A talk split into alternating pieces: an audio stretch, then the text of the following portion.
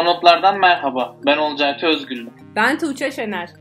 Geçtiğimiz hafta dünyanın mikro ölçeklerinde gezinmiştik. Bu hafta da makro boyuta bakalım istedik. İçinde yaşadığımız evrenden ve evrenin yapısından bahsedeceğiz. Hemen ilk sorumuzu soralım hocam. Evrenin yapısında ne var? Evren nelerden oluşur? Evren tabii ki her gece başımızı göğe kaldırdığımızda gördüğümüz yıldızlar, gezegenler ve çıplak gözle birkaç istisna haricinde göremediğimiz gök adalar, gök ada kümeleri, süper kümeler ve bunların yanı sıra bir de 40 takla atsak en büyük teleskoplardan en hassas dedektörlere kadar ne kullanırsak kullanalım göremediğimiz karanlık madde ve karanlık enerji adı verdiğimiz şeylerden oluşur. Yıldızlar, gezegenler, gök adaları görebiliyoruz. Tamam. Peki hiçbir şekilde göremediğimiz karanlık madde ve karanlık enerjinin varlığını nasıl biliyoruz? İlginçtir ki karanlık madde ismi aslında bugün bildiğimiz karanlık madde kavramı henüz ortada yokken ortaya çıkmış. 1906 yılında Fransız bir matematikçi Samanyolu'ndaki parlak olmayan maddelerden bahsetmek için bu tabiri kullanmış. Sonra işin gözlemsel kanıtına dair ilk ipucunu yakaladığını düşünebileceğimiz kişi Hollandalı astronom Jan Oort.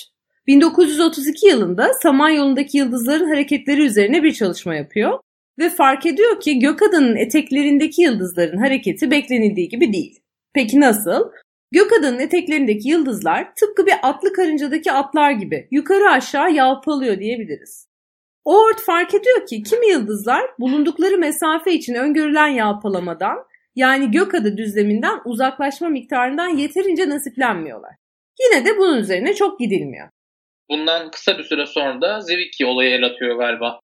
Aslında Oort'un bulduğu şey gözlemsel kanıtlara giden bir yol olsa da yeterince ipucu içermiyordu. Sonraki yıllarda İsviçreli astronom Fritz Zwicky, Koma kümesi adı verilen bir gökada kümesinde binden fazla gökada üzerinde bir çalışma yapıyor. Ve fark ediyor ki bu gökadaların öylesine sıkı sıkıya bir arada durması için gereken kütle çekim kuvveti mevcut yıldızlar ve benzeri cisimleri oluşturan kütleyi göz önüne alarak hesapladığımızdan çok daha fazla. Bu durumda göremediğimiz ama etkisini hissettiğimiz ve gözlemleyebildiğimiz bir karanlık madde olduğu iddiası iyice yer edinmeye başlıyor. Nihayetinde 1970'lerde Amerikalı astronom Vera Rubin ve arkadaşları sarmal gök adaların dönme hızları üzerine bir çalışma yapıyorlar ve gök adalarda kayda değer miktarda karanlık madde bulunduğunun kuramsal kanıtları elde edilmiş oluyor. Peki ya karanlık enerji? O nasıl bulunuyor? Karanlık enerji işin biraz daha kuramsal kısmında yer alıyor. İlk olarak Einstein görelilik kuramını oluştururken buna ihtiyaç duyuyor. Ve böylelikle kütle çekimi değil de kütle itimi özelliğine sahip bu kavram ortaya çıkıyor. Ne var ki sonra Einstein'ın pek içine sinmiyor bu olgu. Tabii bunda bilim dünyasının hadi canım olur mu öyle şey demesinin yani bir bakıma mahalle baskısının etkisi de var. Ve bunun sonucu olarak Einstein hayatımın en büyük hatasıydı diyerek görelilik kuramını eklediği bu terimi iptal ediyor.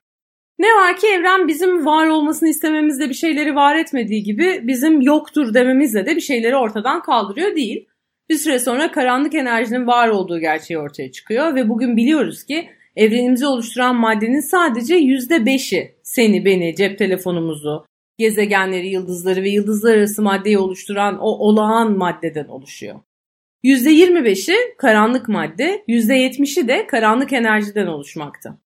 Peki biz karanlık enerjinin gerçekten var olduğu sonucuna nasıl ikna olduk? Bizi bu sonuca götüren şey tam olarak neydi? Evren modellerini test edebildiğimiz en elle tutulur veri kozmik ardal ışıması adını verdiğimiz büyük patlamadan arta kalan ve evrene sinmiş bir ışıma. Teknoloji geliştikçe bunu gitgide daha da iyi ölçebilir hale geldik. Daha doğrusu haritalandırabilir hale geldik. Bu gözlemsel verileri anlamlı kılan kuramlara baktığımız zaman karanlık enerji olmasaydı içinde bulunduğumuz evrenin çok farklı bir halde olması gerekirdi. Yani bu biraz da şuna benziyor. Diyelim ki insan vücudunun düzgün çalışabilmesi için oksijene ihtiyacı olduğunu biliyoruz ama soluduğumuz havanın yapısını bilmiyoruz. İnsanların havasız ortamda öldüğü gerçeğini göz önünde bulundurursak soluduğumuz havada oksijen olduğu sonucunu ortaya çıkarmamız yanlış olmaz. Asıl sormak istediğim soru evrenin yaşıydı. Öncesinde içlerine değinelim derken süremizin yarısını doldurduk. Kozmoloji denizinde yolumuzu iyice kaybetmeden konuyu toparlayıp sorumu sorayım ben en iyisi. Evrenimiz kaç yaşında ve biz bunu nereden biliyoruz? Evrenimiz 13.8 milyar yıl yaşında ve bunu bilmemizin yolu da evrenin genişlediğini ve genişleme hızını bilmekten geçiyor. Tabii sadece bunlar da yeterli değil. Evrenin nasıl bugüne geldiğine dair geçerli bir fikrimiz de olmalı. Çünkü örneğin evrenin büyük patlamadan itibaren hep aynı hızla genişlediğini düşünecek olursak elde edeceğimiz sonuç bambaşka olur. İşin içine büyük patlamayı, sonrasında gelen ani bir genişleme evresi olan enflasyon dönemini, sonra genişleme hızının belirli bir değere eriştiği gibi detayları katan kuramlar ve bu kuramlara yön veren kozmolojik gözlemler sayesinde evrenin yaşının 13.8 milyar yıl olduğunu bilebiliyoruz. Evrenin yaşı 13.8 milyar yıl ama evrenin büyüklüğü 13.8 milyar ışık yılı değil. Bu nasıl mümkün oluyor? Evet, gözlemlenebilir evrenin yarı çapı 46 milyar ışık yılı. Yani boydan boya ölçecek olursak kabaca 92 milyar ışık yılı büyüklüğünde. Peki gözlemlenebilir evren dediğimiz şey tam olarak nedir? Gözlemlenebilir evren dediğimiz şey en ileri teknoloji ürün teleskoplar ve dedektörler kullanıldığında görebildiğimiz en sönük cisimlerin uzaklığı. Tamam güzel ama benim hala anlamadığım bir nokta var. Evrende en hızlı şey ışıksa ve ışık hızı da aşılamıyorsa nasıl oluyor da evrenin büyüklüğü evrenin yaşından bu kadar farklı olabiliyor? Eğer evren durağan ve genişlemiyor olsaydı o zaman bu dediğim bir problem teşkil edebilirdi ama evren genişliyor. İşte burada Einstein'ın görelilik kuramları, zamanda yolculuk ve 3-5 popüler bilim kitabı okuyarak göreliliği ve kozmolojiyi çözdüğünü zannetme yanılgısına düşenlerin pek sevdiği daha nice benzetme giriyor devreye. Tüm bunlara tek tek değinmeye vaktimiz yok ama özetle şu kadarını söyleyebilirim. Bugün bizden fersahlarca uzak cisimler astronomik ölçekte kısa bir zaman önce bu kadar uzak değildi. Yani cisimlerden çıkan ışık bize vardığında ışık kaynağı bizden çok daha uzaklara ötelenmiş oluyor. Bunu anlamak için şöyle bir örnek verebilirim belki. Uzunluğu sabit bir cetvel kullanarak hızla koşarak bizden uzaklaşan biriyle aramızdaki mesafeyi ölçmeye çalışmak gibi. Belirli bir anda uzaklığı ölçerek koşucunun ne kadar zaman önce yola çıkmış olduğunu bulabiliriz. Ama bu mesafe illaki koşma hızını veriyor demek değil. Koşucu yolun başında daha hızlı koşup zamanla yorularak yavaşlamış ve belki sonra yeniden hızlanmış olabilir. Biz ölçümü yaparken de bizden uzaklaşmaya devam etmekte ve aramızdaki mesafe de artmakta. Olay iyice ilginç bir hal almaya başladı. Gözlemleyebildiğimiz evren diyorsak bir de bunun gözlemlenmeyen kısmı olması gerekir. Evrenin gözleyemediğimiz bir kısmı varsa onun varlığını nasıl biliyoruz? Kozmologlara göre gözlemlenebilir evrenin 250 katı kadar da gözlemleyemediğimiz bir kısım var.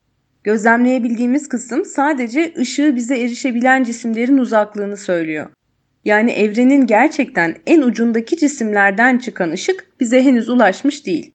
Aslında bu da konunun biraz felsefik bir yaklaşımı diyebiliriz. Eğer genişliyorsak bir yere doğru ya da bir şeyin içinde genişliyor olacağımız düşüncesi geliyor akla. Bu da bilim insanlarının hem felsefik hem de matematiksel seçenekler oluşturmasına imkan tanıyor. Kimileri diyor ki içinde genişlediğimiz bir şey yok. Kimileri diyor ki paralel evrenler bile olabilir. İşin aslı bunların herhangi birinin kesin kes doğru olduğunu iddia etmek mümkün değil. Bu gibi konulara meraklı olanlara önerim tüm bunlar hakkında aslında nasıl da bilgisiz olduğumuzu ortaya koyan We Have No Idea adlı kitabı okumaları. Evrenin şekli nasıl? Genişlediğini nasıl öğrendik? Ne kadar hızlı genişliyor? Evrenin sonu ne olacak? Kafamızda deli sorular var. Fakat bu ve bu gibi soruların cevaplarına başka bir bölümde değineceğiz. Yayının son kısmında bu sıralar şehir ışıklarından uzakta olanların keyfine daha çok çıkarabileceği meteor yağmurlarından da kısaca söz edelim istiyorum. Meteor görenlerin sayısı yavaş yavaş artıyor. Yukarıda neler oluyor? Ağustos dendi mi tabii ki aklımıza Perseidler geliyor. Perseus yani kahraman takım yıldızından saçılıyor gibi görünen bu meşhur meteor yağmuru 17 Temmuz 24 Ağustos tarihleri boyunca aktif. En çok meteorun 11 Ağustos'u 12 Ağustos'a bağlayan gece görülmesi bekleniyor. Dünya yörüngesiyle 109P Swift-Tuttle kuyruklu yıldızının güneş etrafındaki yörüngesi boyunca ardında bıraktığı döküntülerin kesişmesi sayesinde oluşuyor bu meteor yağmuru. En yoğun olduğu gece gerçekten çok karanlık bir yerdeyseniz saatte 50'den fazla meteor görebilirsiniz. Şehir ışıklarının yıldızlarımızı bizden çaldığı yerlerde ise 10 tane bile görsek yine de çok güzel bence. Kesinlikle. Ben şimdiden ve üstelik İstanbul'un şehir merkezinde olmama rağmen 5-6 tane gördüm bile. Meteorların fotoğrafını çekmek isterseniz meteor fotoğrafçılığına dair kısa bir bilgi vermiş olduğumuz Astrofotoğrafçılık 101 adlı bölümümüzü hatırlatmak isteriz. Bu güzel sohbet için teşekkür ederiz Tuğçe Hocam.